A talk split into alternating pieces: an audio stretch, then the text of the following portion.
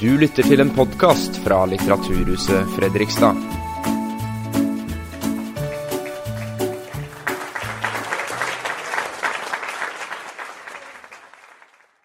Jeg heter Roy Andersen, jeg er daglig leder av Politisk, og det er jeg som skal holde litt i trådene i kveld og forsøke å lede oss alle gjennom, gjennom det som skal skje her i dag. Eh, velkommen også til dere der hjemme, eh, dere som følger dette folkemøtet via verdensveven på Fredrikstad Blads nett-TV. Og ikke minst velkommen til en ny sesong eh, her på Litteraturhuset med nær 100 arrangementer de neste månedene. Så husk på å få med dere et eh, programkatalog når dere går hjem etterpå. Eh, litt praktisk, eh, toalettene er en etasje ned. Eh, kiosken er da åpen under arrangementet hvis dere ønsker å kjøpe noe der. Og så er det jo litt av en eh, det er litt av en rar dag da, i norsk politikk. Det er helt sikkert. Nå blir det en slags ny regjering. Eh, det er jo ikke tema her i kveld, men det kan hende vi kommer litt inn på det senere.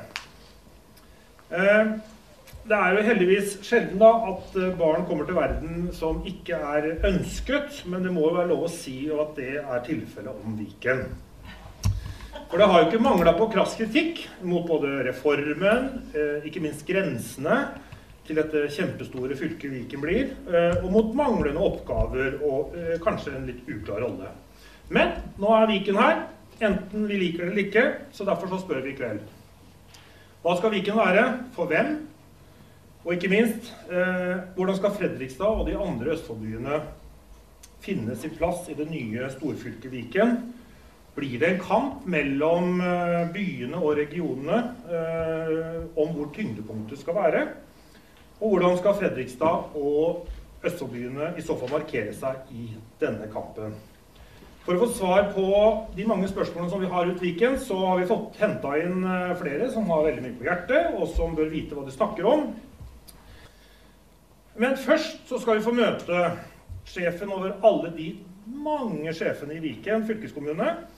Eh, Hun har vært, på, vært i jobben som fylkesrådsleder i bare noen få uker. Og hun skal nå få lov til å fortelle litt om denne kjempebabyen som hun nå har blitt mor til. Hun er fra Arbeiderpartiet og heter Tonje Brenna. Vær så god.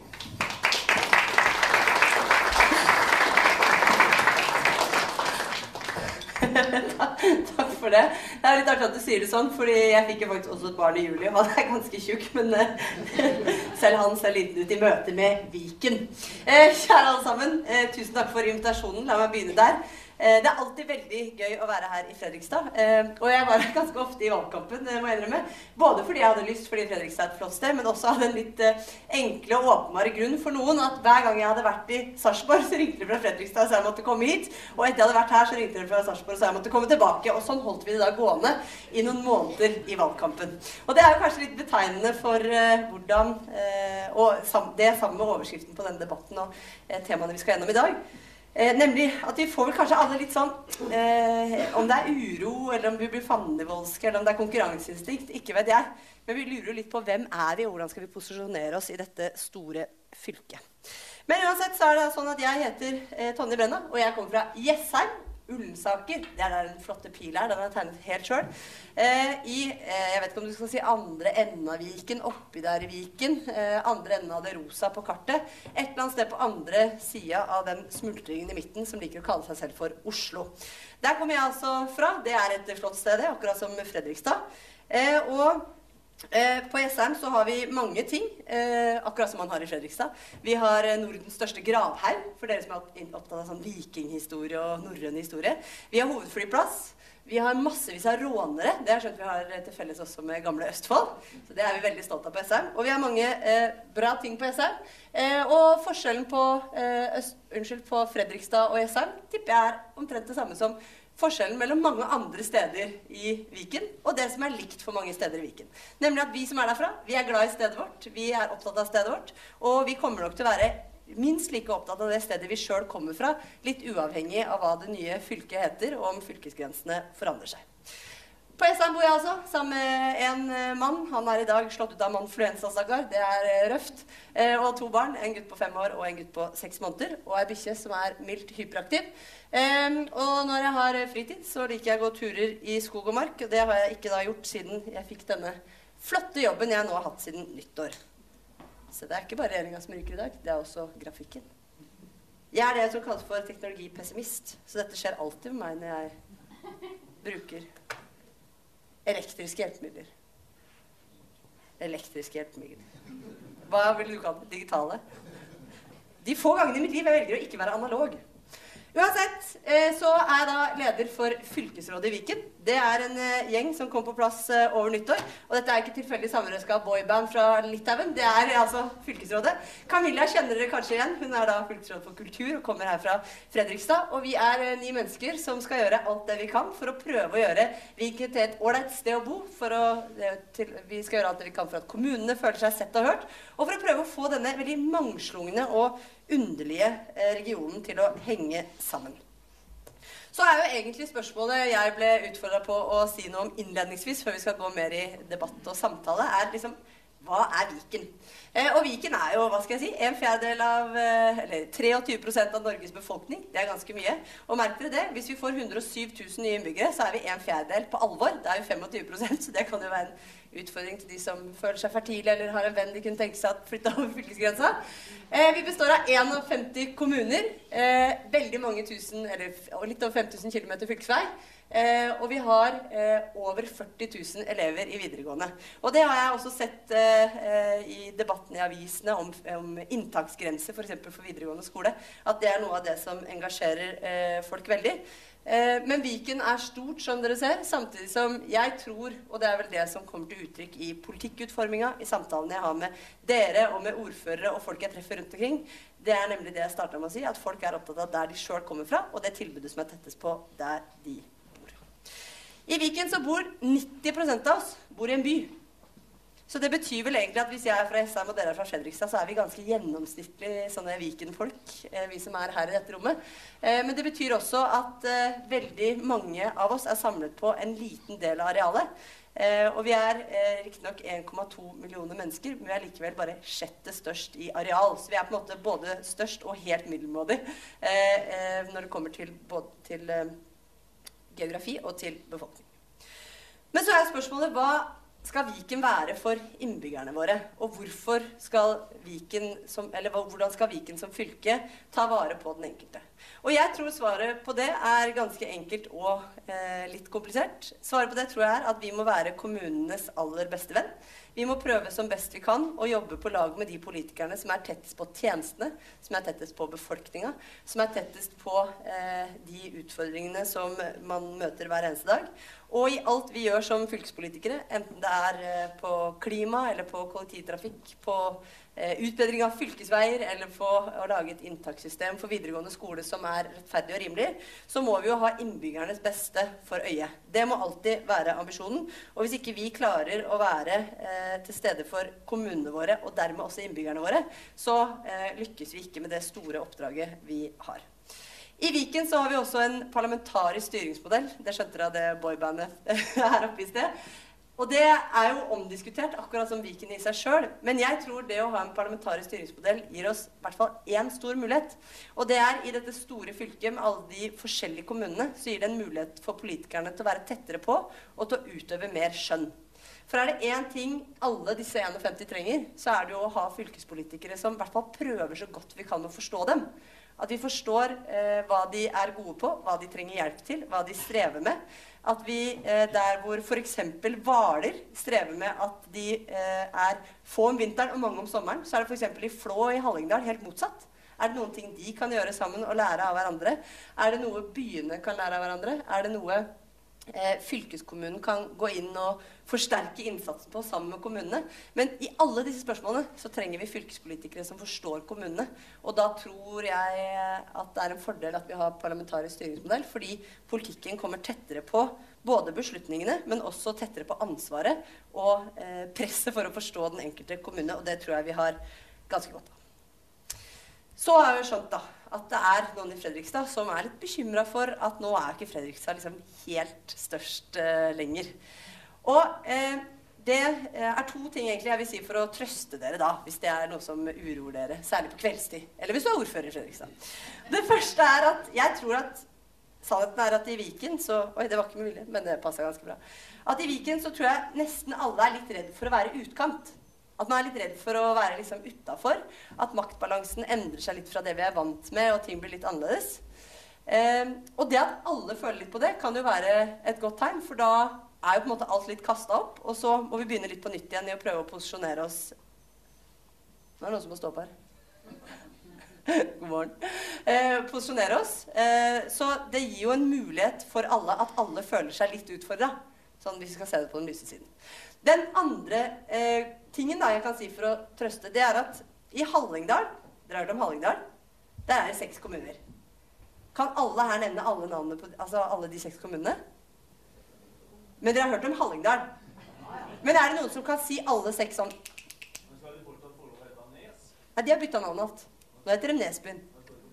Nei, jeg, litt, jeg henger litt etter det. Jeg viser, jeg viser ikke vei, men fylkeskommunen gjør det. Så jeg, jeg dilter etter. Nei da. Men ikke sant? I, i, skjønner du hva jeg mener? I Hallingdal Dere har hørt navnet Hallingdal. De gir noen assosiasjoner. De er gjerne gode. Det er reiselig, det er natur, det er liksom kremmerkultur. Det er mye spennende med Hallingdal. Men det er kanskje ikke sånn at de seks kommunenavnene melder seg for dere med en gang. Og det viser jo at hvis man står sammen, jobber sammen, støtter hverandre, er på lag, så kan man være en viktig aktør, sjøl om det ikke er kommunen som er grensene og ramma for det å være den viktige aktøren. Er dere med? Så Hallingdal har jo klart det. Mange av oss Altså jeg er fra Romerike, vi klarer det ikke.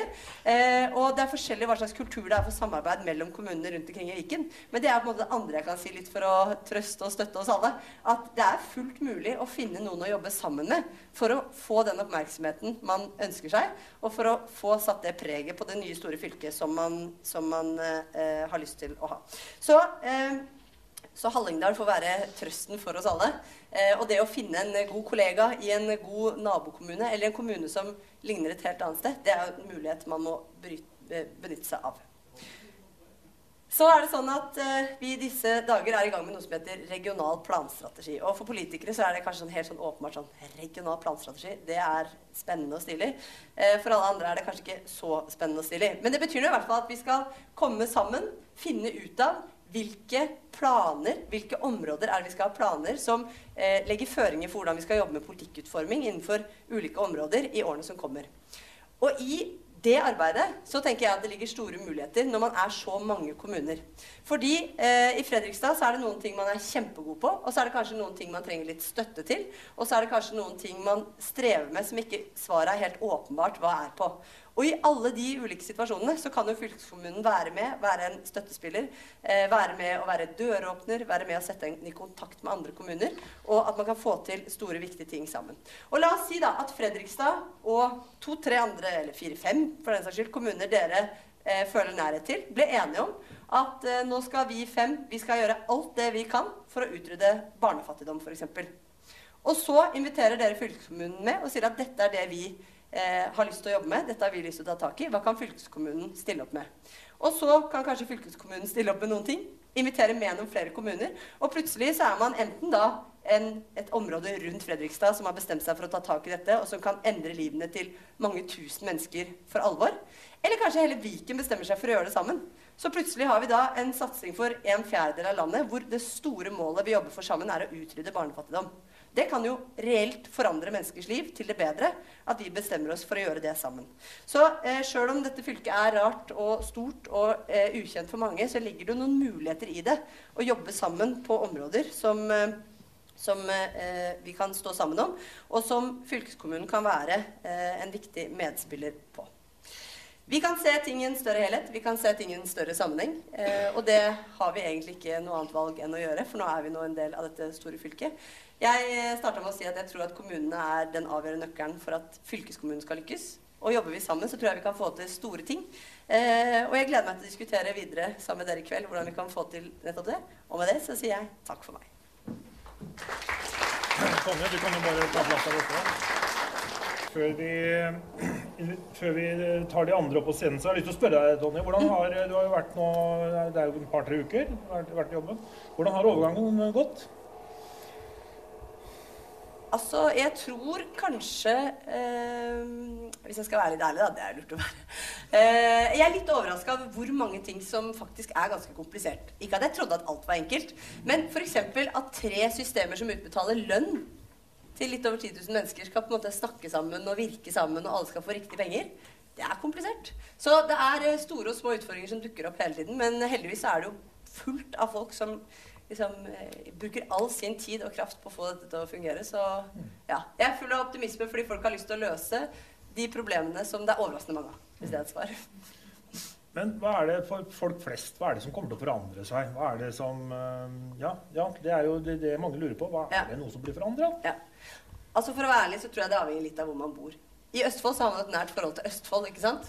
Dere føler identitet for Østfold. Eh, jeg er fra gamle Akershus, fra Romerike. Altså, vi sier, Jeg bor på Jessheim i nærheten av Oslo, sier hvis vi treffer noen litt unna. Så vi har ikke noe fylkesidentitet. Så det at fylket endrer seg, det tror jeg eh, akershusingen vil merke lite av. Og Østfold, østfoldingen kanskje mer av. Men eh, så er det sånn i en sammenslåing at det tar tid før man merker at det er forandring. Vi har f.eks. ikke et eh, budsjett som er vårt eget før budsjettet 2021. Så foreløpig er det bare tre fylker som fortsetter som før, og så er det for alvor et politisk preg over det først neste budsjettet, da. Så eh, jeg tror det avhenger litt av hvor du er, hvor nært det oppleves, og hvor godt du merker det. Jeg ser, jo, jeg ser jo en del i kommentarfeltene at mange skriver at ja, jeg, jeg, jeg skal fortsatt være østfolding. Men det er vel fortsatt lov å være østfolding? Ja, ja, ja, ja. Ja, Altså, jeg, altså, Østfold finnes jo fortsatt som et Ja. slags geografisk sted. ja, ja, ja, ja. Og ikke sant, identitet kan ikke vedtas. Hvis du er østfolding i hjertet ditt, så er du østfolding i hjertet ditt. Altså, jeg, jeg er fra Ullensaker. Vi er ullsokninger. Jeg har alltid sagt ullsokk. Det kommer jeg alltid til å være. Det er liksom ikke noe, det ikke noe å diskutere. Det er sånn det er. Så identitet, det, det har vi med oss, og det tar vi med oss. Og det er veldig mange som spør meg hva skal man kalle seg. Språkrådet sier det er feil å kalle oss for viking. Kunne vært litt artig å kalle seg. Eh, de mener at vikværing Nei, vikvær. Vikvær er det riktige.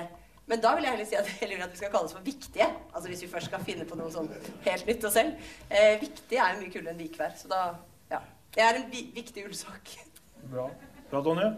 Da er det på tide å invitere opp noen andre på scenen. Men så får vi en liten fin bukett med tre godt voksne menn. Velkommen opp på scenen. Kjell Arne Grestad, Jon Ivar Nygaard og Tage Pettersen.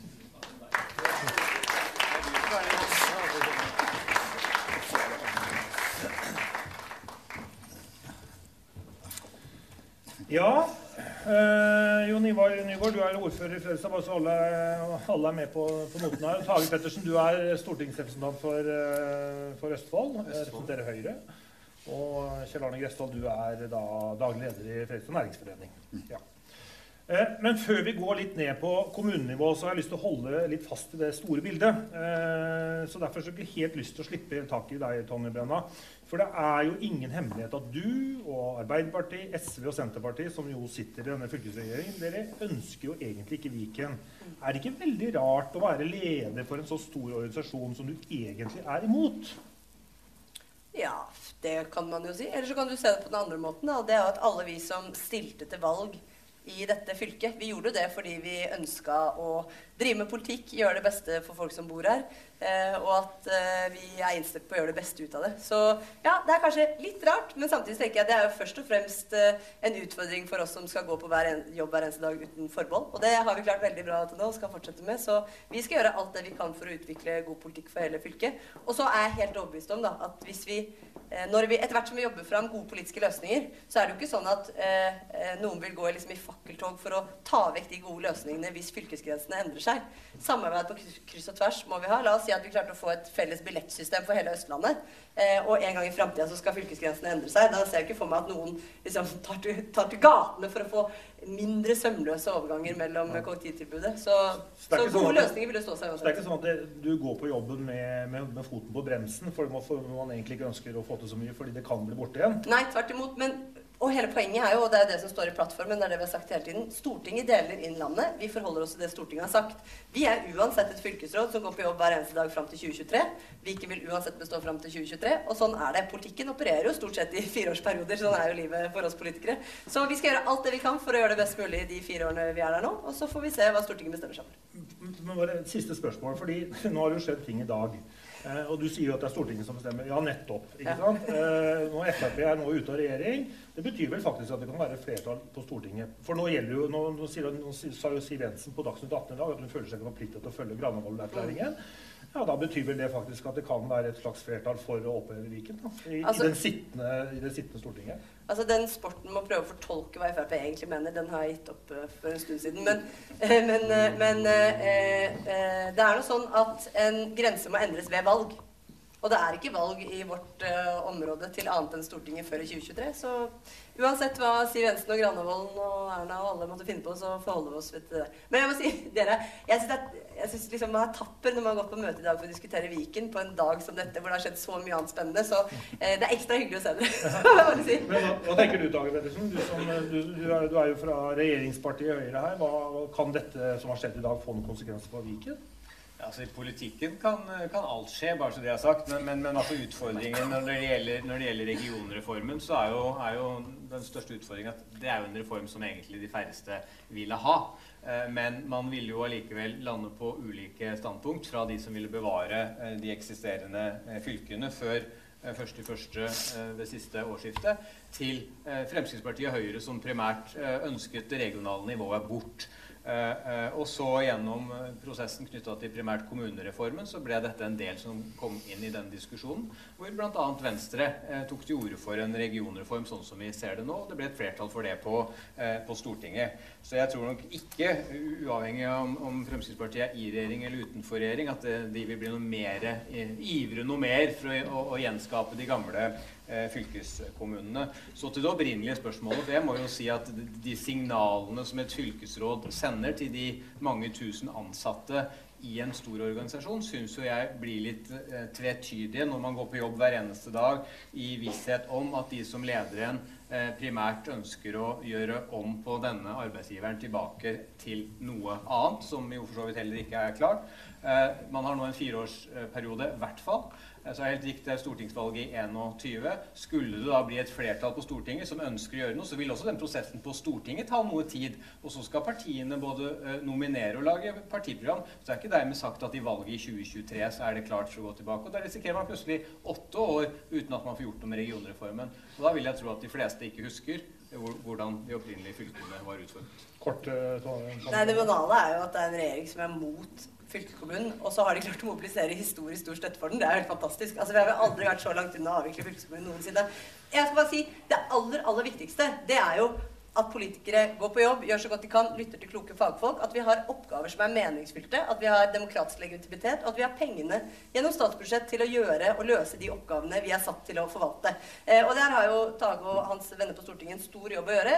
Fylkeskommunen er ikke Altså, vi fått realnedgang i overføringene, eh, selv om vi får flere tusen flere elever f.eks. i årene som kommer. Så eh, hvis man ønsker at vi skal gjøre en ordentlig jobb, og det hører jeg jo deg implisitt si, så må jo eh, også flertallet i Stortinget sette oss i stand til det ved å f.eks. overføre nok penger til å gjøre en skikkelig jobb. Fordi Hvis ikke så har vi jo virkelig trøbbel. Hvis vi verken klarer å bli demokratisk enige om hvordan fylkene skal se ut, eller ønsker at vi skal lykkes ved å trekke tilbake pengene. Men Tage Pettersen, eh, det jeg hører når jeg snakker med folk, er at de sliter med å forstå eh, hvorfor man ikke har klart å harmonisere de veldig mange forskjellige forvaltningsnivåene i dette landet. Eh, vi har altså nå elleve fylker med sine grenser. Vi har nå tolv politidistrikt som har sine grenser. Vi har fire helseforetak med sine grenser. Vi har seks tollregioner, vi har tolv Nav-regioner, og Posten er delt i fem regioner. Og så har vi 19 valgdistrikt til Stortinget.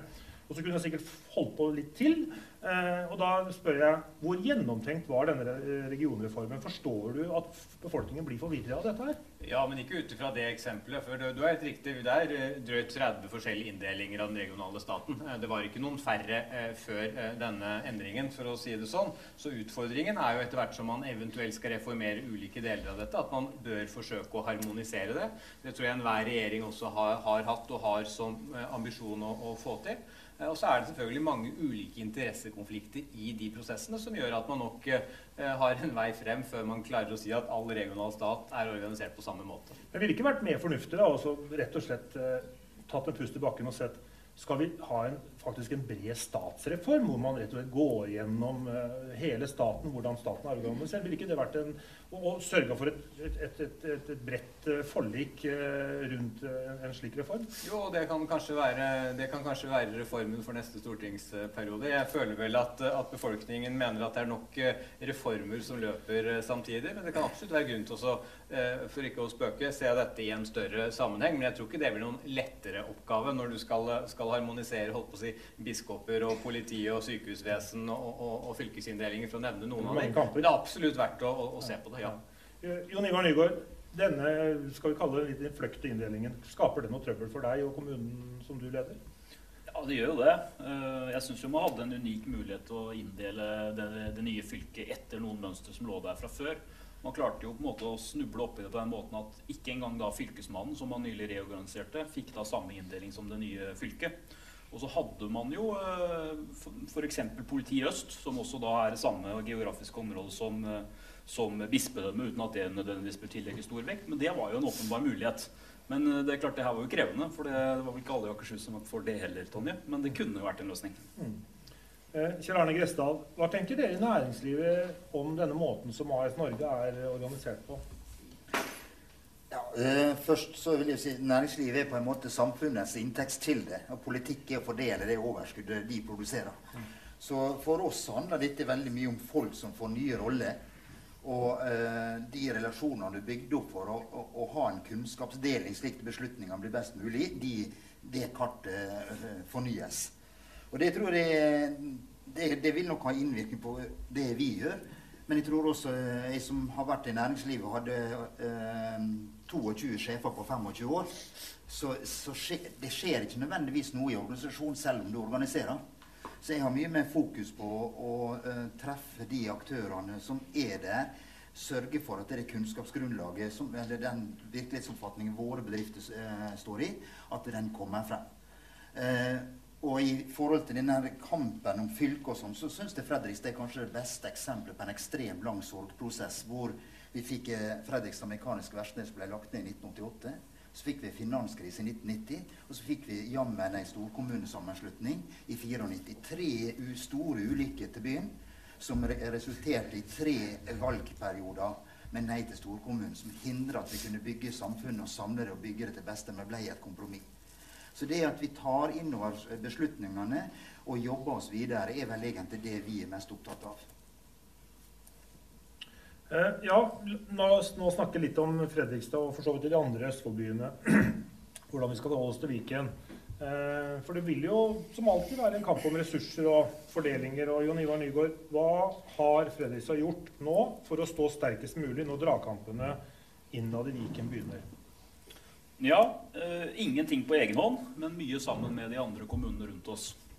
Eh, vi er jo godt i gang med å se på regionrådsinndeling, eh, også da selvfølgelig i samarbeid med fylket. Og det vi jobber med nå, er jo en regionrådsstruktur hvor vi har med oss eh, nabobyen selvfølgelig Sarpsborg, Halden, Rakstad, Hvaler. Og så har vi også tenkt å kontakte Moss for å høre hvor de egentlig vil lande hen. For vi tenker jo sånn, som det ble sagt innledningsvis her, at det å samarbeide, og kanskje samarbeide langs de viktige infrastrukturlinjene gjennom Ytre Østfold, kan være en riktig måte å tenke på.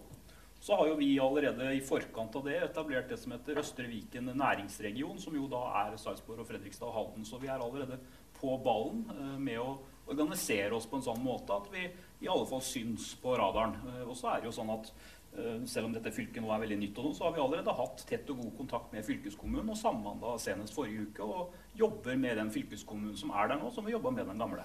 Hva ser du av eh, både lokaliseringskamper og posisjoneringskamper som kommer nå det, det neste året, eller kanskje de to neste åra? Ja, det, det, er vanskelig å ta eh, en sånn forhåndsanalyse av det. Men det er klart, dette nye fylket får jo da flere tyngdepunkt og må jo sørge for en balansert utvikling. Og jeg er ikke så veldig redd for at liksom alle etableringer eller alle pengene skal ende i en del av det nye fylket. Det tror jeg ikke noen fylkespolitikere vil tørre å gjøre, fordi man er avhengig av at man har velgerstøtte og at man har godt samhandlingsmønster med alle kommunene så eh, blir det kanskje sånn at det for det nye fylket blir litt tøffere prioriteringsdiskusjoner, og at man kanskje må være noe vagere også i hva man skal prioritere. Det kommer til å bli noen debatter om jernbaneprioritering f.eks., hvor noen av oss vil eh, jobbe hardt for intercity, men så ligger det noe som heter Ringeriksbanen. Så det er mange, mange diskusjoner som selvfølgelig kan komme opp, som vi må være på.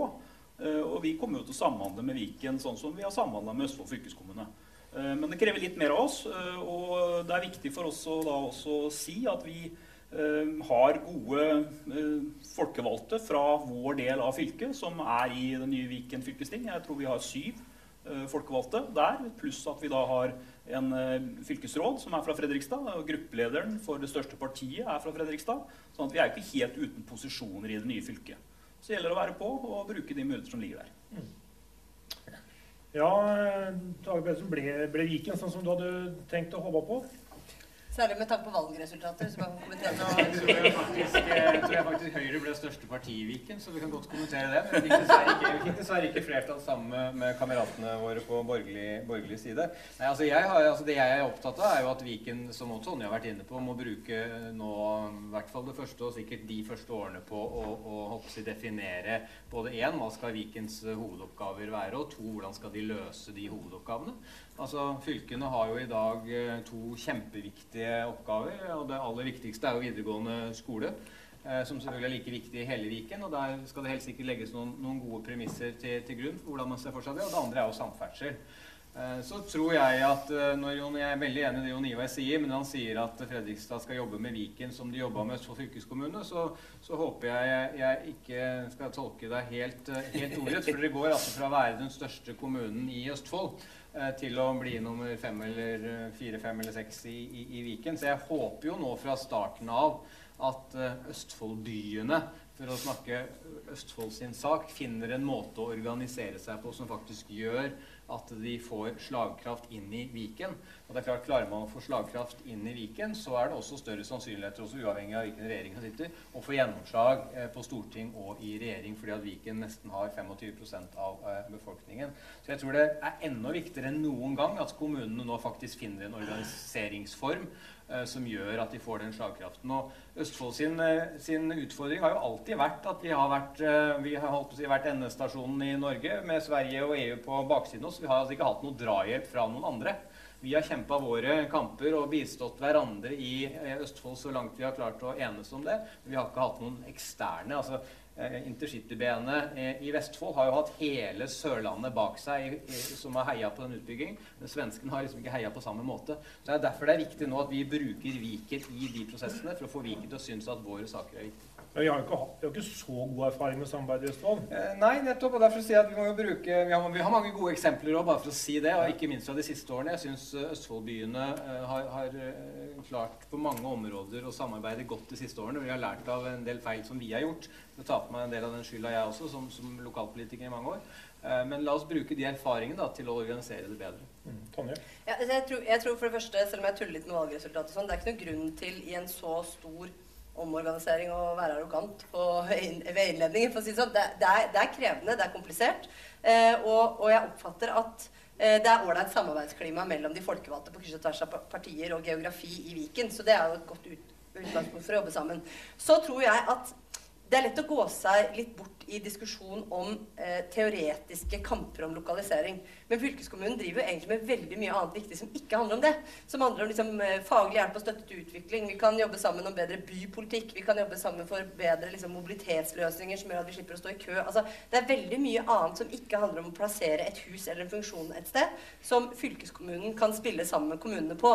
Så la oss i hvert fall begynne der og tenke hva er det vi kan gjøre for å utvikle hele dette store området, eller den regionen vi sjøl opererer i eh, som lokalt folkevalgte i kommuner, eh, til det beste for alle som bor her. Og så er det to ting som Tage er inne på som jeg mener er ekstremt viktig. Det er jernbane og videregående opplæring. Og på begge to så er det jo ikke fylkeskommunen som er sinka. Altså det, er jo, det er jo staten som nå på vei gjør at vi ikke har på plass den jernbanesatsinga som folk her i Østfold har forventa og venta på i veldig mange år. Eh, og når det kommer til videregående opplæring, så mener jeg at noe av det aller viktigste vi har for å utjevne sosiale forskjeller, for å eh, apropos lokalisere videregående skoler, for å sørge for forutsigbarhet for lokalsamfunnene våre, god utdanning, det er inntakssystemet for videregående. Så Først så sier da regjeringa dere skal bli det fylket for dere skal få større oppgaver. Og det første de gjør, er å ta vekk vår mulighet til å ha et inntakssystem og si at det skal være eh, karakter, altså konkurranse og karakterbasert inntak i hele landet. Så det henger jo ikke sammen. Så hvis, hvis det er noe du liksom alvor i det du sier, Tage, om at du har et ønske om at vi skal lykkes, så er det i hvert fall de to tingene, da. At jernbanesatsinga eh, følger den planen som er vedtatt av Stortinget flerfoldige ganger, og at vi får et en sjølråderett over utdanninga vår, som har vært noe fylkeskommunen har drevet med i veldig mange år, som vi fortsatt har behov for å ha. Eh, og de to tingene kunne jo Høyre hjulpet hele Viken og hele Norge med egentlig i Stortinget ved å eh, bidra til fornuftige vedtak. da. Mm. Kjell til det siste først. På videregående skole 2.1 fikk vi altså et brev fra samferdselsministeren som sier at nå skal fylket komme med 20% egenfinansiering for å få bygge fylkeskommunale veier.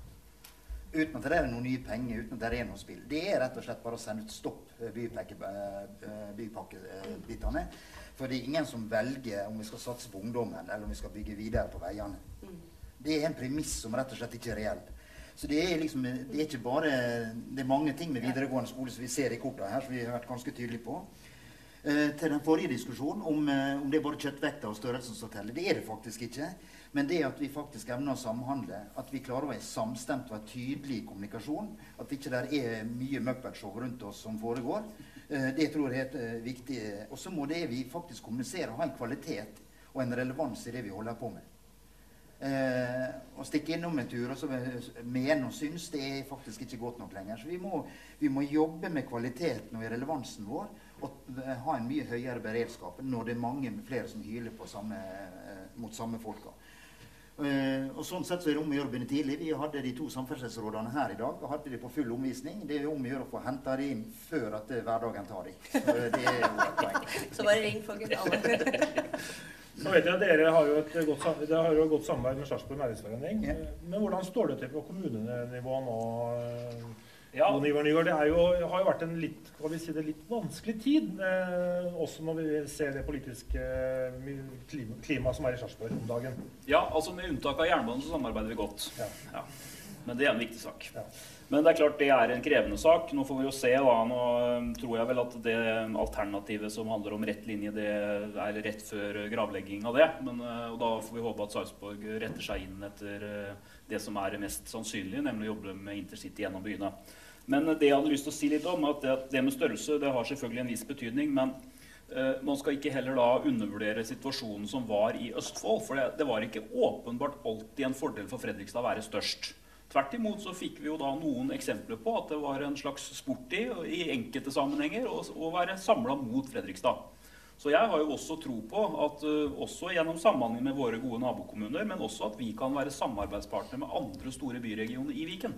For det er ikke nødvendigvis sånn at vi bare skal samarbeide med de som ligger nær oss. Vi har jo mye mer til felles med Drammen enn med enkelte andre kommuner i Østfold-området.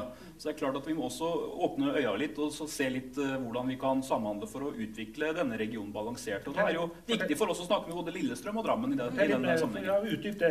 Jo, fordi at vi har likere problemstillinger, tror jeg, som store byer enn kanskje Fredrikstad og Halden har, for å bruke et annet eksempel. Eh, så jeg tenker at det skal ikke være sånn at når vi nå skal samhandle tettere i Østfold, lage et regionråd her, så skal ikke det utelukke at vi samhandler med de andre byene som er nærmere oss i størrelse. Så jeg tror det er viktig. Og det er, det er jo en del problemstillinger som er byspesifikke og distriktsspesifikke. Som er vekstspesifikke, sånn her blir vi mange flere på kort tid. Eh, og som er her blir mange færre på kort tid.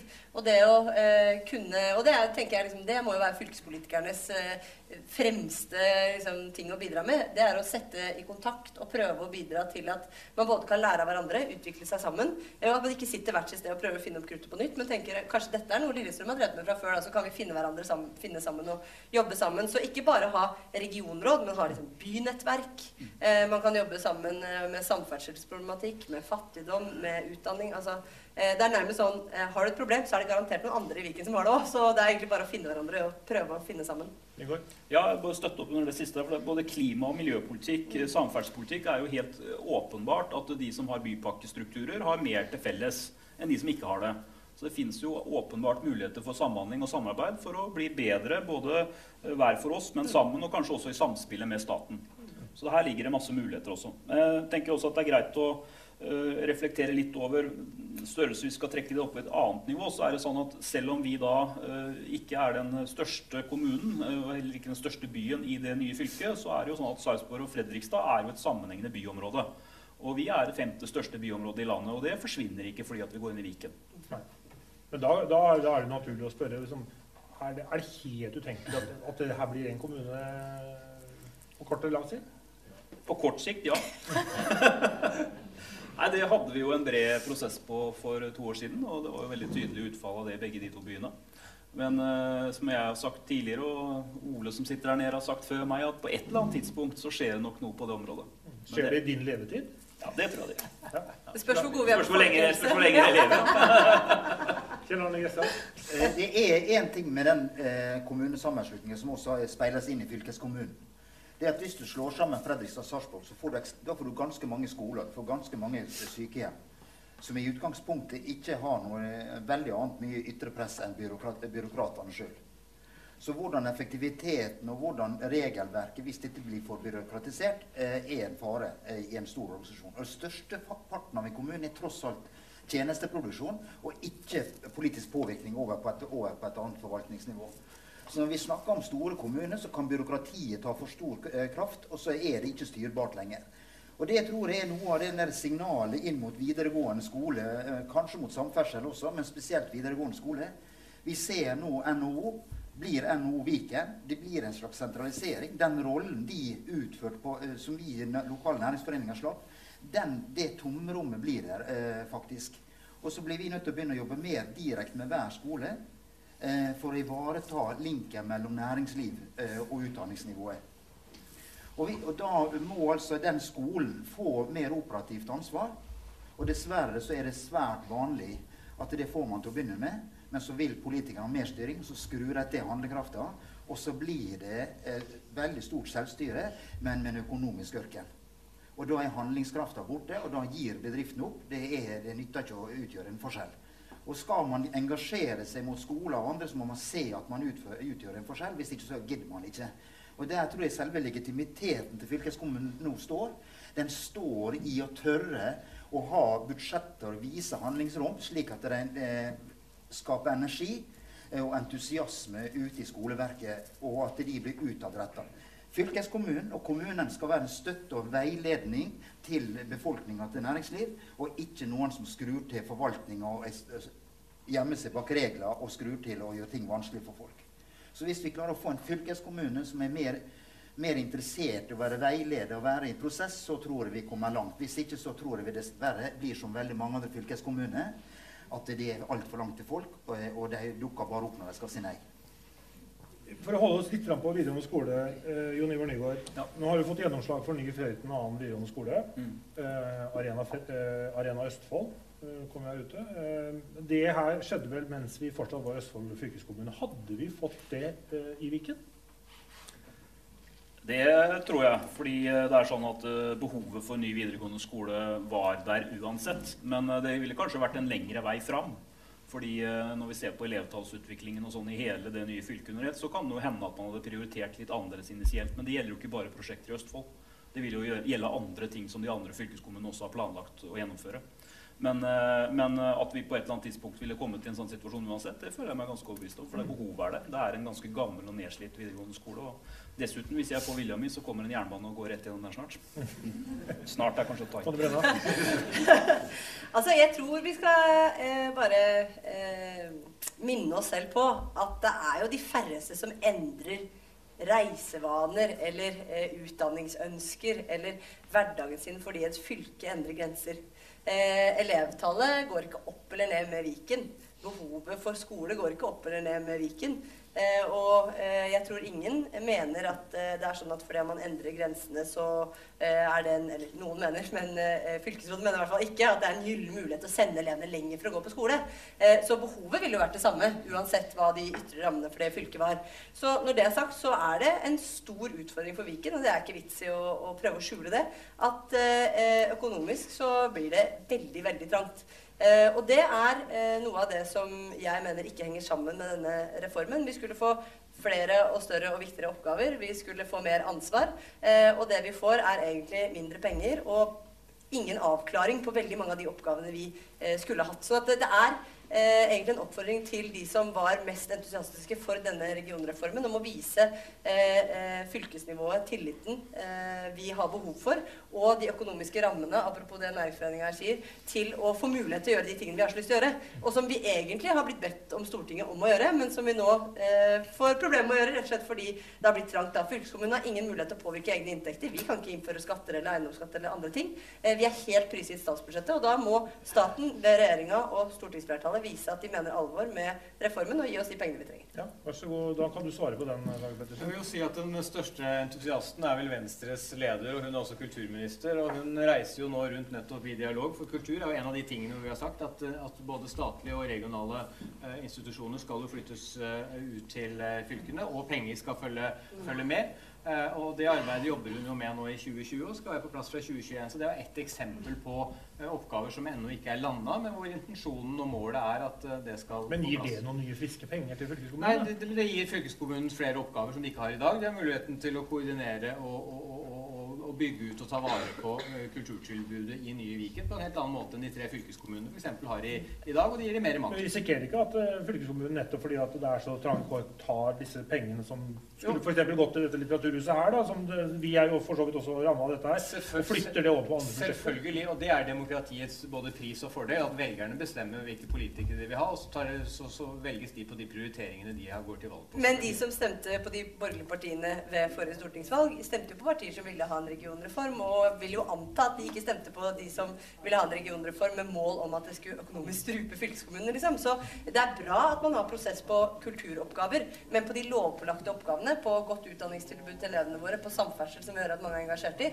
så trenger vi fortsatt å ha rammene til å løse de oppgavene lokalt, og på en bra måte til det beste for folk som bor her. Men uh, Tonje Brenna, hva er de hva, Prøv å være litt konkret nå. Hva er de viktigste utfordringene til Viken de neste månedene og for så vidt kanskje de neste to åra? Hva er det helt konkret dere må ta tak i nå? Eh, nei, det er jo veldig mye, da. Men hvis jeg må være helt konkret, så tror jeg jo det Hva er viktigst for deg, da? Nei, ikke, ikke for meg. Men det aller viktigste en fylkeskommune driver med, er jo å drive med eh, ha et godt utdanningstilbud for alle ungdommene som bor i Viken. Uansett eh, hvor du bor og hvilken linje du har lyst til å gå på videregående, og uansett hva du har med deg i bagasjen, så må det være bra å gå på skole. Eh, og du må føle at du eh, mestrer hverdagen og, og har, det, har, de tingene du trenger for å, for å, gjøre det bra på skolen. Utdanning er grunnlaget for at folk skal kunne leve gode liv. Så det er det aller viktigste vi driver med. Og så må vi sørge for at folk kan komme seg til og fra jobb. At vi har samferdsel som virker på kryss og tvers. At eh, man kan kjøre bil uten å stå fast i kø der det er eh, behov for det. At man kan reise kollektivt der det er grunnlag for det. Eh, og så må vi rett og slett eh, gjøre så godt vi kan og prøve å lage gode løsninger i det veldig fragmenterte fylket eh, som vi nå har blitt. Og så er jeg helt sikker på at i Fredrikstad så er det politikerne i Fredrikstad som har de viktigste forslagene til hvordan vi gjør det. og det samme gjelder i resten av fylket. Og da skal vi prøve å være gode samarbeidspartnere som, ja, som lytter til lokalpolitikerne, og som prøver å jobbe på lag og finne gode løsninger i fellesskap. Men, men Tonje Brenna, vi ser jo nå at Drammen, Asker og Bærum begynner å finne litt sammen i såkalte DAB-samarbeidet der. Eh, og det er jo et veldig stort tyngdepunkt med masse, masse folk. Eh, og så har vi Romerike, hvor det bor mye folk. Eh, hvor mye vil dette befolkningsgrunnlaget ha for å, for å, si når dere skal prioritere og for så vidt også lokalisere? Altså jeg tror Jon Ivar var inne på noe veldig viktig i stad, nemlig at det er veldig mange ting man har til felles med noen helt andre enn de som er nærmest. Eh, og jeg, eh, bare eh, Eksempelet eh, Sarpsborg-Fredrikstad eh, drar paralleller til eh, Romerike, hvor Lørenskog og Lillestrøm omtaler seg sjøl som tvillingbyer og har helt særegne utfordringer som byer, men også mellom to byer. Eh, og det tror jeg Fredrikstad og Sarpsborg kan kjenne seg mye igjen i. Ja, altså jeg bare, det kommer dager hvor vi skal krangle om lokalisering. Men det er ikke sånn jeg opplever det. det er liksom den fylkeskommunale hverdagen handler ikke om lokalisering. Det handler egentlig om partnerskap, samspill, prøve å bidra til å finne gode løsninger. Eh, og eh, jeg, ja, jeg, kommer sikkert en eller annen dag til å spise ordene mine når vi sitter, står her og krangler om lokaliseringa, et eller annet, men det er ikke det som er hverdagen. Altså. Det er å prøve å være en eh, god partner og, og ja, eh, bidra til ålreit utvikling over hele fylket. Kjell Arne Gressdal, frykter du uh, at Fredrikstad og Østfold nå må kjempe to kamper? Først i Viken Eh, for å nå opp i prioriteringslistene der. Og deretter i departementene og for så vidt også i storting for å få gjennomslag for sakene våre. Ja, men sånn har det egentlig vært. Eh, det var litt kortere avstand opp til Sarp. Eh, men det er ikke dermed sagt det var noe lettere av den grunn. Så jeg tror det, det er det samme. Men jeg har mer lyst til å si noe om hva som er viktig de neste månedene til fylket. Og det er at man får noen rammer på hvordan man tenker. Altså det, det å tenke at det er tilgjengelighet i at det er administrasjon og politikerne faktisk kommer seg ut nå, ikke blir sittende inne i disse interne oppgavene som er så lett å rydde opp i. Det som skulle vært på plass. Men det å lære å kjenne det som foregår her ute, samle informasjon, slik at man utover høsten faktisk ikke bommer helt når man skal begynne å legge loka, regional politikk. Uh, og da er dette med ramme og lokal handlekraft, finne systemer som gjør at man kan uh, få frihet og ha Eh, verdier i de lokale samtalene, da tror jeg det løser seg. Da, da, klarer vi å komme frem med det jeg sa i sted, kvalitet og relevans. Men det, er, det, kan jo bli et proppesystem. 51 kommuner. Det betyr jo Du er veldig sånn problemorientert hele tiden. Du nekter å godta at det kan funke. Ja, men altså, Det er 51 ordførere, det er 51 rådmenn. Altså, det, blir jo, det, blir jo, veldig press på, på de uh, sjefene som er der inne nå. Uh, det er vel et praktisk problem som må løses. Åpenbart. åpenbart. Og jeg tror, jeg tror er, da tror jeg det er tre ting som gjelder. Punkt én eh, gode eh, samarbeid.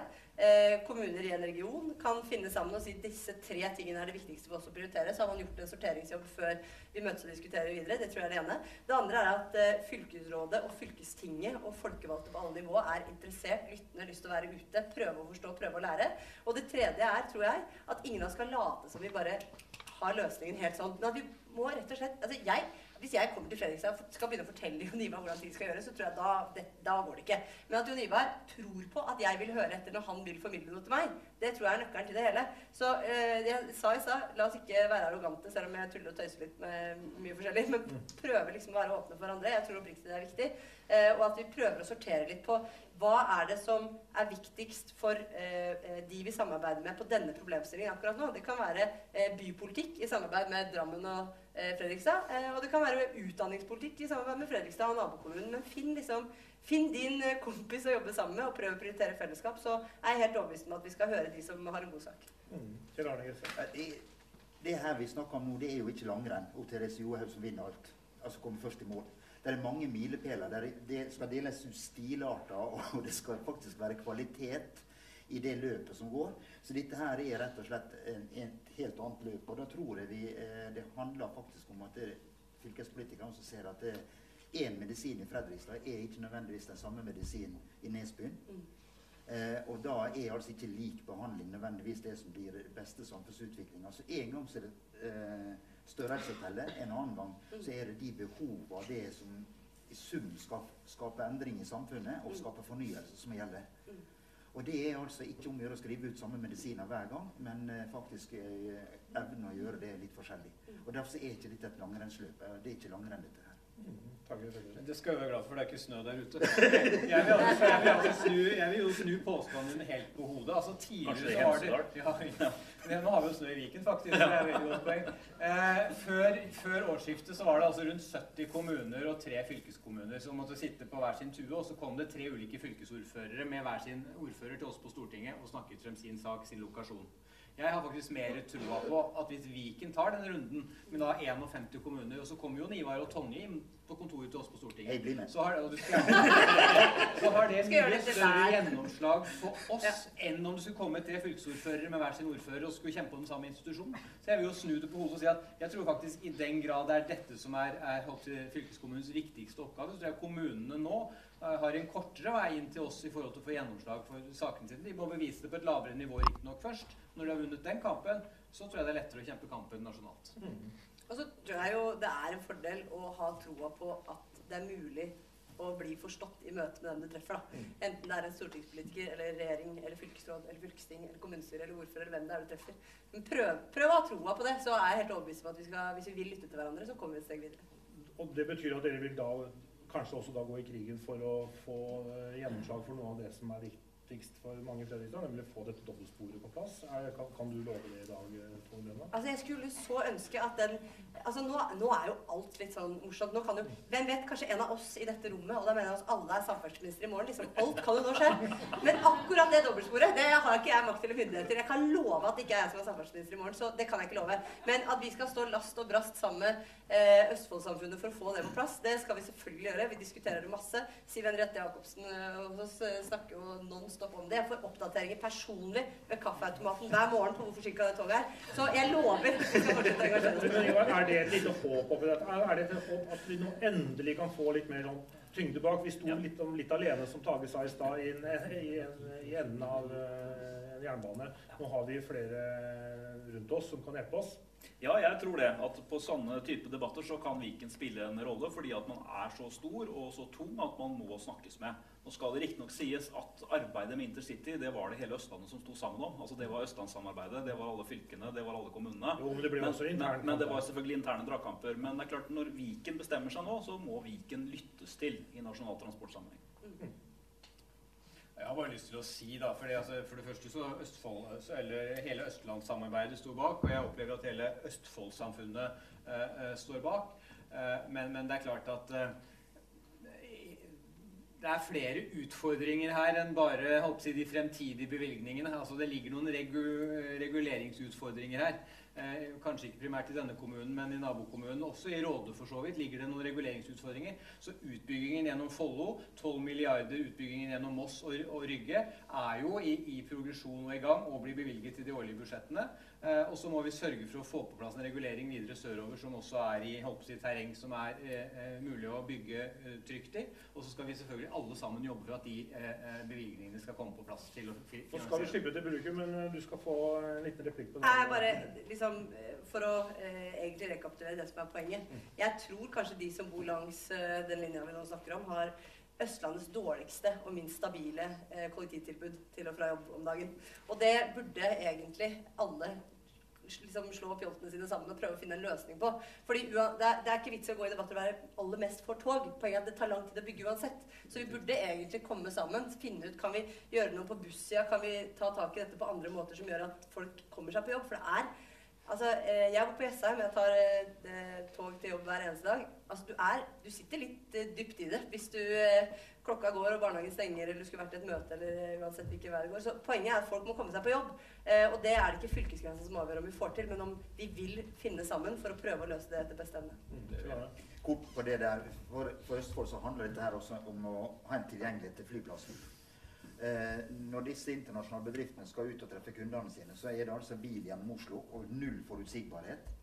Eh, det å ha en jernbane som korter ned avstanden, det er ekstremt viktig for å kunne komme fort ut til kundene og også ha faktisk en mindre belastning på familiene. Jeg har en del folk som har sine 150-180 reisedøgn i året. Og det er ikke alltid de klarer å komme hjem igjen fordi at de, de, de har den pendlinga her. Og da, da, ser jeg for meg at det er den, hvis vi skal ha en Gardermoen som funker for oss, så må det også være en jernbane som går såpass raskt at vi eh, faktisk at flytoget blir litt trafikksikre. Og det ene var ambisjonene. Vi må holde litt oppe de ambisjonene. Vi mista den flyplassen en gang. Det var her nede på Vestfoldsida industrien lå, og mye av den industrien er borte. Og det er litt fordi kontakten med kundene ble dårligere, og det var mer pes å komme ut for de få som trengte det. Vil du jobbe, uh, Tonje, bare et oppfølgingsspørsmål der. Vil, vil, dere jobbe for at toget nå, når den nye Oslo-tunnelen åpner om, om, noen år, at toget går uh, F.eks. at Østfoldbanen blir slått sammen med Ringerikebanen, at man rett og slett kunne ta tog direkte fra Fredrikstad til Hønefoss f.eks., eller direkte til Gardermoen, eller hvordan, altså at man man ser for seg litt lengre togstrekk enn det er i dag? Altså, jeg er for å si det enkelt, jeg er for eh, tog overalt hele tiden. Men, men, men jeg mener det jeg sa i stad. Det er ikke sånn at folk begynner å reise annerledes bare fordi et fylke endrer grenser. Så vi må jo ha tog. Det er fornuftig. Eh, fordelen eh, for eh, området Viken representerer, er jo at det er jo mye folk veldig mange av stedene. Så at vi skal prioriteres i en nasjonal sammenheng når det kommer til jernbane, det er det ikke tvil om. Og det er det vi må stå sammen om og prøve å få det til å henge sammen. Så må vi sette inn støtet der hvor det haster mest. Der er Østfoldbanen en viktig del av det. Eh, og så, ja, altså om folk i framtida har et veldig behov for å reise Sarpsborg-Hønefoss, så skal jeg være med og se på den. Men jeg bare, ja, dere skjønner hva jeg sier. Vi må gjøre det der det nytter, og der det er behov, og der hvor folk faktisk har behov for eh, gode reiser til og fra jobb hver eneste dag. Er det noen som har lyst til å, eh, er det noen som har noe på hjertet? Er det noen som har lyst til å stille spørsmål? Er det noen som vil til Hønefoss? Der, der løsna det.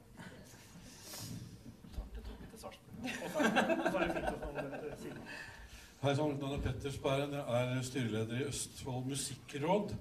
Jeg har lyst til å løfte fram eh, det som er limet for mange mennesker, eh, nemlig at kultur er der du bor. Eh, jeg bare har lyst til å si at vi må ikke miste av syne den jobben som gjøres for alle musikkorps, i alle kora, i alle mulige sammenhenger der folk bringer sammen og skaper uh, si noe, verdi i livene våre. Selv om avstanden eh, blir større og, og, fylket vårt blir stort og blir mange mennesker. Så jeg håper dere tar med dere det frivilligheten inn i det nye, store fylket vårt. Eh, og at det ikke blir vanskeligere for folk som skal, som skal holde samfunnet sammen i lokalsamfunnet nå enn det det var fra før av. Så ta med kulturen, og særlig frivillighetskulturen og sangkora og musikkorpsene inn i det nye fylket. Vær så snill. Lover. Vi tar, eh, vi tar et spørsmål til. Var du Blir du her, ja? Ja, jeg heter Helse Marie. Jeg jobber som lærer i, på en ungdomsskole her i Fredrikstad. Og har en del liksom, stressa foreldre til tiendeklassinger. Kan man garantere at de tiendeklassingene som går på skole i Fredrikstad i dag, får et videregående skoletilbud i, si, i Østfold-området? De er liksom redd for at ungene deres nå blir si, sendt langt av gårde. Det er to helt konkrete og gode spørsmål. Det er, det er jo kanskje du som får begynne å svare på dette her, Tonje Brenna. Ja, jeg skal dele altså til, eh, til, det første, helt enig. Skal ikke prøve å gjenta det, for du sier det mye bedre enn meg. Men vi skal huske på frivilligheten og kulturen. Jeg lover. Eh, så til dette med eh, inntak. Så skal jeg svare først. Men så tenker jeg kanskje egentlig at Tage må sette spikeren i kista. Fordi, fordi, vi har lagt opp til fra fylkesrådets side at ingen skal ha lengre reisevei som følge av nytt fylke. Så alle skal ha muligheten til å gå på en skole i nærheten av der de bor, og tilbudet skal være fullgodt over hele Viken. Så, så eh, eh, det er ikke, ikke vær stressa for det. Det er vår tydelige ambisjon. Eh, og, og, det å ha et eh, inntakssystem som gjør at vi ikke eh, påfører eh, elevene våre lengre reisevei enn nødvendig, det, det, tror jeg veldig på. Jeg tror mer konkurranse på de stressa tiendeklassingene er det, minst, det siste de trenger. og jeg var på besøk på Greåker videregående i sommer, da, eller i høst, og da var det en lærer som egentlig sa det ganske fint til meg. Han sa eh, det som er, det er at de som eh, eh, har lavest karakterer og stiller lengst bak i konkurransen, de har allerede lengst reisevei. Men de har også de foreldrene som jobber skift, og som ikke kan kjøre de til skolen når de ikke rekker bussen om morgenen. Så de ender opp med å få mest fravær som en direkte konsekvens av konkurranse om plassene på skolen. Og jeg tenker, eh, Det oppsummerer egentlig det hele. Altså, Hvis vi kan møte det den læreren peker på, så har vi gjort veldig mye av det vi skal. Og da syns jeg det er krevende at, eh, at, det nå er lagt opp til fra regjeringas side at man skal ha noe konkurransebasert, eller karakterbasert inntak i hele landet. Fra, fra og med i år? Uh, nei, nå vet ikke jeg når skal tre i kraft, Tage, men uh, fra i år så gjelder jo det jeg nå formidla. Så de tiendeklassingene som går i tiden nå, de kan være helt rolig. Men så jo, har jo regjeringa signalisert at de vil be Stortinget om å innføre karakterbasert inntak i hele landet. Eller fritt skolevalg, som de kaller det. Som jo er ufritt for de aller fleste, fordi det er jo fritt bare for de med aller best karakterer.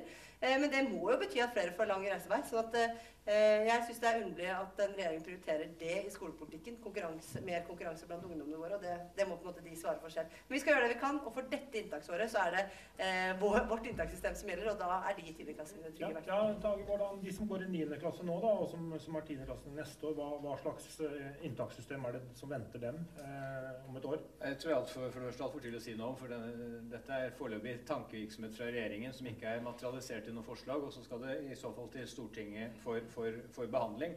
Og det kan jo være mange varianter av det. I Akershus så har man jo hatt en en, en sonebasert, karakterbasert opptak, altså hvor, hvor, alle har rett på en skole i et geografisk eh, område, men at det er karakterene som styrer uh, inntaket i det geografiske området. Og det kan jo være i så fall en del av et sånn type uh, forslag. Men det er for tidlig å si noe om. Vi har lyst til å snu det litt på hodet og bruke Moss som et eksempel da, i forhold til videregående skoler. Moss Avis hadde nettopp også vært ute og intervjua noen tiendeklassinger og i motsetning til her hvor de var bekymra for om de ikke skulle få gå på de samme videregående skolene, så var de faktisk veldig positive. For de hadde nå videregående skoler i både Vestby og, og, og Follo som gjør at tilbudet deres eh, blir bedre. Eh, og noen av de tilbudene i dag må de reise til eh, Halden eh, eller Fredrikstad for. Så de kan altså få et bedre tilbud med kortere reisevei enn de har i dag. Så du har utslag begge veier også innenfor dagens uh, ordning.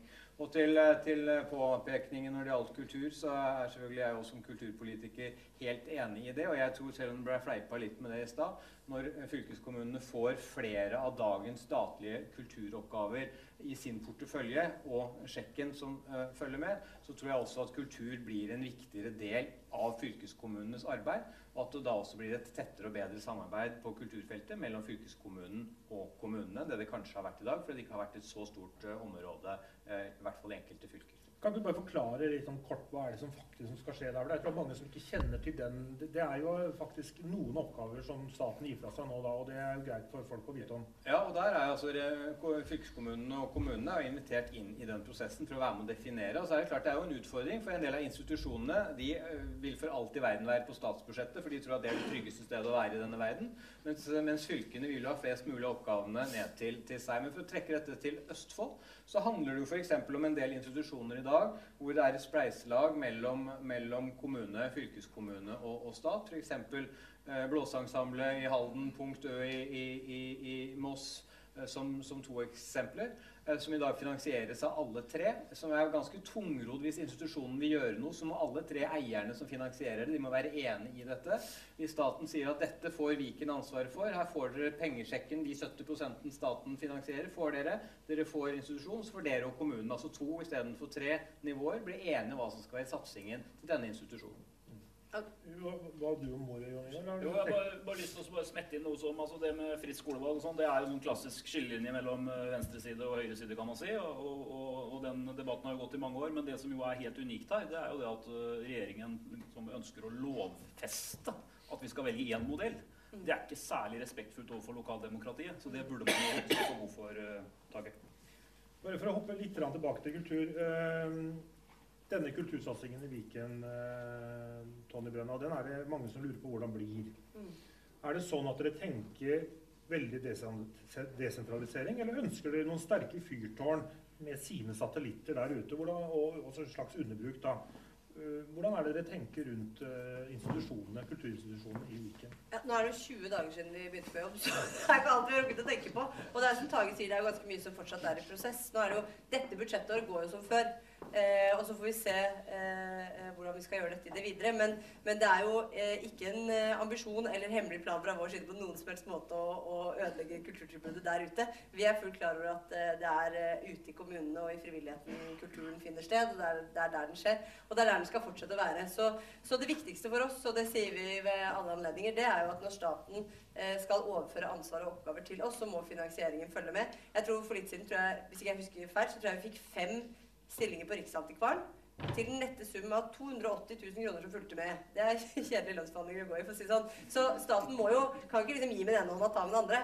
Eh, og si at eh, vi skal få ansvar og oppgaver, men ikke sende med finansieringa. På område etter område er det på den måten regjeringa og Stortinget har jobba. Og det er jo oppskriften på å strupe oss og si at vi ikke kan gjøre noe annet enn absolutt minimum av våre lovpålagte oppgaver. Så eh, gjør litt mer enn å snakke fyndig om eh, kulturpolitikk og ansvarsoverføring, så, så tror jeg det skal bli riktig bra. Men vi er avhengig av finansieringa. Og nettopp derfor har altså et, en enstemmig eh, kulturkomité på Stortinget sagt at vi ønsker en ekstra runde. Det er kommunalkomiteen og departementet som fordeler oppgavene. Så vi har sagt at vi skal ha det innom Stortinget, og vi forutsetter fullfinansiering av eventuelle statlige oppgaver som skal flyttes til fylkene. Så her er vi helt enige. Ja, veldig bra.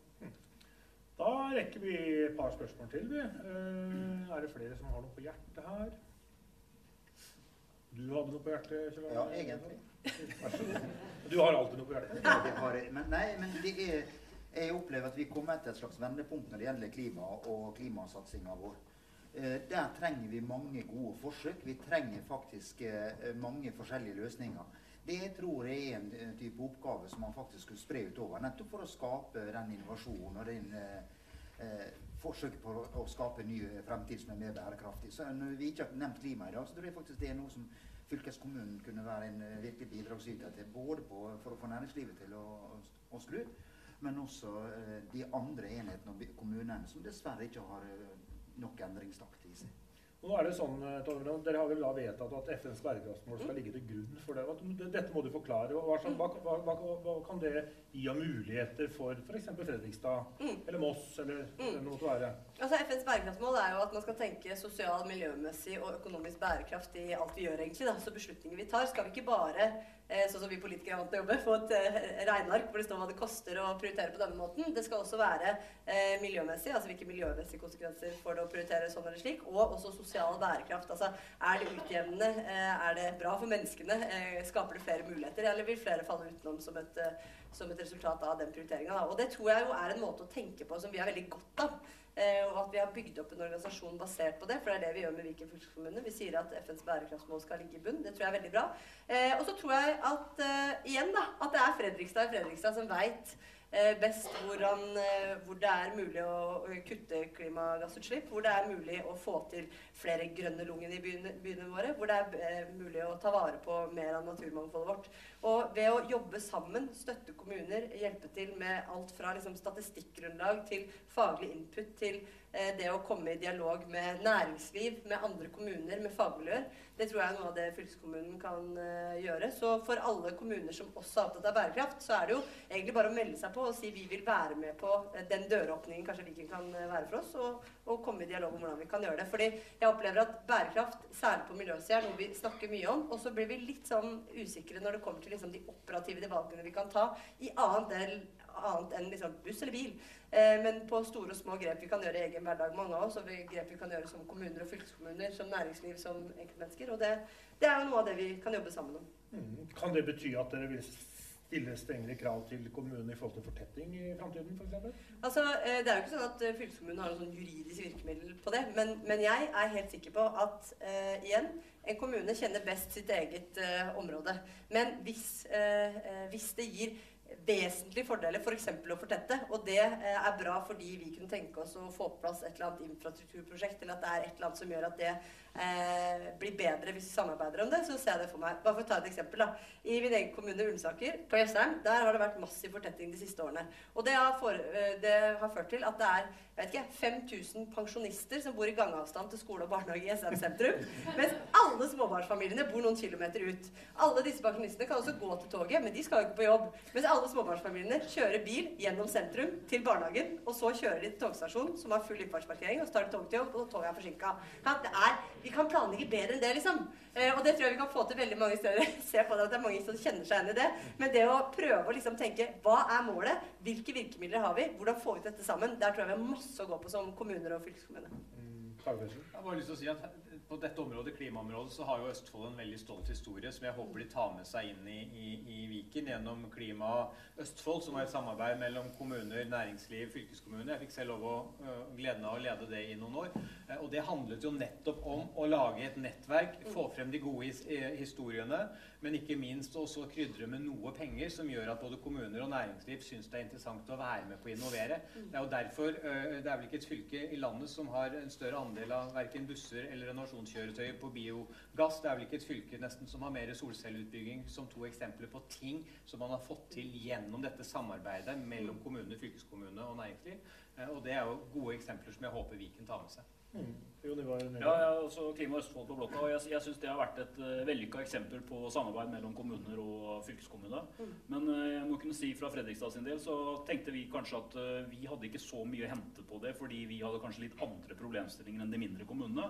Og jeg tror at det vil nettopp være en mulighet i Viken, for det vil komme flere kommuner inn som har likere problemstillinger enn, enn det vi har hatt med de andre som har vært i Klima Østfold. Mm. Så jeg ser muligheter der hvis det blir Klima Viken. Nå skal dere få siste sjansen, folkens, så nå må dere benytte den. Og du, Odd Ragnar, ja. ja. Jeg heter eh, Odd Ragnar Evensen. Eh, jeg har et spørsmål i forhold til eh, si, helsepolitikken. For det er jo en reform som heter Samhandlingsreformen, som har fått noen ganske uheldige utslag for kommunene. I forhold til at pasienter blir skuffa ut av helseforetak og sykehus så fort som mulig, og tilbake til kommunene, som da sliter med kapasitet det, og, og, de må jo betale ganske store si, dagsbøter da, hvis de ikke klarer å ta imot pasienter. Er det noen tanker om at uh, den nye fylkeskommunen kan være en slags si, organisator eller katalysator for å prøve å fordele pasienter tilbake til kommunene og ha en sånn pool på sykehjemsplasser eller helseplasser f.eks.? Ja, dette var jo et interessant eh, perspektiv. Jeg vet ikke om du har lyst til å si litt om hvordan det er i dag? Eh, Ivar? Ja, Fylkeskommunen har jo ingen rolle i det i dag. Det foregår jo mellom helseforetakene og kommunene. Um, det er jo riktig, det som blir beskrevet som en utfordring, at det er en, eh, ja, det er en uh, liggetid som er kort på sykehuset. Og i perioder så vil det da bety kapasitetsutfordringer ute hos kommunene. Og det jobber jo kommunen og sykehuset godt sammen om hvordan vi skal håndtere. Eh, det diskuteres også nasjonalt eh, om man kan gjøre noe med disse virkemidlene når det gjelder disse her bøtene som det ofte omtales som, som ikke er bøter, men betaling for opphold. Eh, det kan kanskje tages i noe mer om. Men om fylkeskommunen kan ha en rolle i det, det er jeg ganske usikker på. Jeg tenker at fylkeskommunen nok bør konsentrere kreftene sine om det som er deres kjerneoppgaver nå framover, og det er den videregående utdanninga. Hvis de skulle påta seg en koordineringsrolle på det, så ja, jeg vet ikke, Tonje. Du har vel mer enn nok annet å slite med? Ja.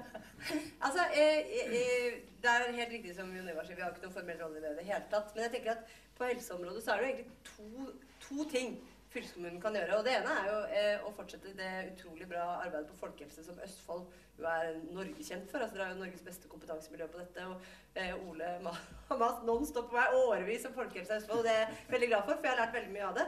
Eh, så, eh, så, det å eh, gjøre det vi kan for at folk ikke havner på sjukehuset sånn, det er jo på en måte egentlig det fylkeskommunen kan gjøre.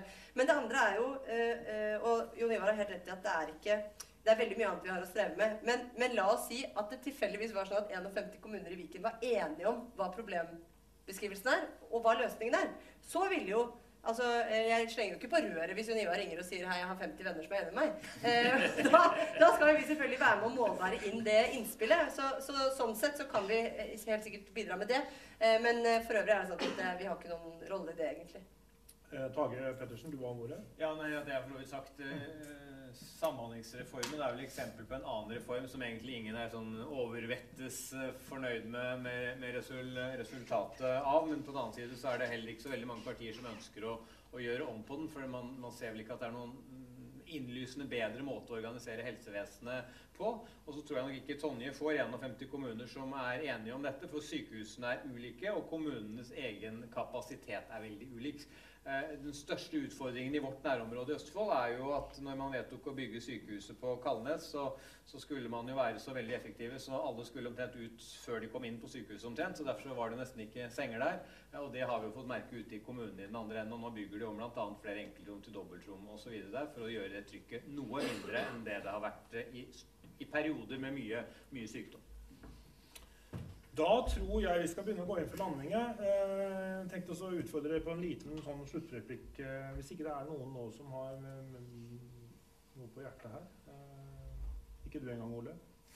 Han mener mye, men jeg har ikke noe spørsmål. ja, det er bra. Eh, jeg vet ikke om det er lov å kalle deg Vikens far, men du er i hvert fall, eh, du er i hvert fall en, en Og Tonje var mor, sa han. Da begynner jeg å bli litt skeptisk. Ålreit. Vi tar en uh, liten kjapp replikkrunde til slutt. Så runder vi av der, folkens. Det er et, selvfølgelig et, uh, Viken er jo et veldig stort tema, og, og det er også et veldig, det er jo en helt ny organisasjon. Så det er klart det er, vi, vi, har jo hoppa oss sprette litt fram og tilbake i dag, og sånn må det kanskje bli også. Uh, Kjell Arne Gressdal, hvordan vil du oppsummere dette her? Nei, Vi var litt innom det i sted. Det var noe med politikk og hvordan det ble til. Men det er samme med pølser som med statistikk. Vi vil helst ikke vite hvordan det er. Men det er noe som går igjen hele tida. Jeg bruker dette symbolet veldig ofte. Når du peker på noe, så går det tre fingre tilbake på oss sjøl. Og så går det én opp til Vår Herre i håp om å få litt hjelp. Men det er først oss sjøl det kommer an på. Det syns jeg er det, kanskje det viktigste. Jeg tror ikke dette blir så veldig forskjellig. Eh, Setter vi oss ned og sutrer, ikke drar ut av byen for å besøke noen andre, så kommer vi for uansett å klare oss dårlig. Drar vi ut og lærer eh, og deler kunnskap, så kommer dette til å bli ganske så bra. Ja, jeg vil, vi vil egentlig slutte meg til, til, det. Jeg tror at vi skal fokusere mindre på at dette er noe skummelt og nytt. Vi kommer alle fortsatt til å være være mossinger eller haldensere eller fra Fredrikstad. De som har lyst, kan være østfoldinger så lenge de har lyst til å, å, å være det. Eh, og så tror jeg at eh, vi bør se positivt på Viken og hva det eventuelt kan bidra til i forhold til å løfte kvaliteten på noen av de tjenestene. Eh, ja, vi er mange mennesker, men som Tonje sa innledningsvis, vi er ikke så veldig store. Vi er det sjette største fylket. Min svigermor som bor i Ålvik i Hordaland, har i mange år hatt mye lengre vei til sitt fylkeshus enn det vi kommer til å ha fra Fredrikstad til eh, om det blir Oslo eller Sandvika eller hvor det eventuelt måtte ende til til slutt. Eh, så jeg tror at dette kan gå oss riktig så, så godt hvis, hvis, vi kan ha fokus på de riktige og de viktige tingene. Og så kan vi alle ta vare på den kulturen vi har med oss inn i dette og være stolte av det. Det er ingen som skal ødelegge den kulturen som vi har med oss. Men Nygaard?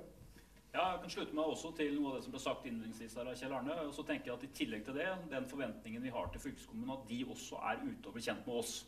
Og så må vi gjøre jobben selv, og det betyr at vi må organisere oss. Vi må gå inn i regionrådsarbeidet med ny, frisk mot. Vi må samhandle med de rundt oss på en annen måte. Og så er ikke jeg så veldig bekymra for denne utviklingen. Det er selvfølgelig altfor tidlig å si om Viken blir en suksess eller fiasko eller noe derimellom. La oss håpe at det blir en suksess. Men det må jo være sånn at vi også har en viss tålmodighet med at Viken nå skal bygge en ny kultur. De skal jobbes inn som et demokratisk forvaltningsorgan, og det skal fungere. Og jeg kan vel også si at uh, det er riktig at Fredrikstad omtrent fikk ti tapte år på kommunesammenslåing, men vi fikk jo veldig kraft etterpå. Så det er klart, uh, dette kan bli bra, men uh, vi, vi får nå se da, hva som eh, skjer når stortingsvalget kommer i 2021, og om det blir Viken eller noe annet. Mm. Før du får eh, avslutte, Tonje, så, så, så, ble det jo også nevnt dette som selvfølgelig mange også lurer på. Jeg må, bare få lov til å stille deg det spørsmålet. Dette med hvor, eh, hvor fylkesadministrasjonen skal ligge. For nå er det jo sånn at, at vi har et fylke eh, med 1,2 millioner som har et hovedsete i en by som ikke er en del av Viken, nemlig Oslo. Hvordan, eh, hvordan har dere tenkt å løse Det er en pussig konstruksjon. Hvordan blir dette framover? Altså, jeg elsker at problemet liksom er at kontoret ligger i Oslo, ikke at Oslo ikke er med. Eh, fordi eh, det, det hendte jo i de dager at Stortinget fant at de skulle bruke tvang, men ikke tvinge Oslo. Det er jo også en, det, det, det, skal vi, det kan vi snakke om en annen gang. Eh, eh, vi bruker de kontorene vi har i Sarpsborg, i Drammen og eh, på Galleriet i Oslo. Eh, og det er de tre stedene vi har vært, og det er de tre stedene vi er inntil videre. Så får vi se hva framtida bringer. Eh, det er jo egentlig sånn at Hvis du geografisk skal finne et midtpunkt i Viken, så tror jeg vel kontoret vil ligge omtrent på Nesodden. det tror jeg ikke er praktisk for noen av oss, bortsett fra de som bor på Nesodden. Så eh, vi får se hva framtida bringer. Vi har en tomt eh, i Sandvika vi kan utvikle hvis vi har et ønske om det når vi kommer så langt. Men, eh, men som sagt, Viken er jo eh, mangslungen. og det er ikke helt åpenbart for meg hvor sentrum av Viken er. Og nå skal du få avslutte. Jeg tror jeg skal nøye meg med å si at Marit Breivik er en usedvanlig god håndballspiller og trener. Og hun har et uttrykk hun ofte bruker, og det er at ingen fortjener å være del av et bedre lag enn det de er villige til å være med å skape sjøl. Og det tror jeg egentlig gjelder i kommunepolitikk, i fylkespolitikk, i, på, i lunsjpausen, på jobben, på arbeidsplassen, uansett hvor vi er og hva vi driver med. Så hvis vi har litt tillit til hverandre på at dette kan bli noe bra og vi kan få til noe stort sammen, så tror jeg vi skal klare det. Og så får vi tilgi hverandre om vi går litt på trynet på veien og lover å gjøre så godt vi kan alle sammen.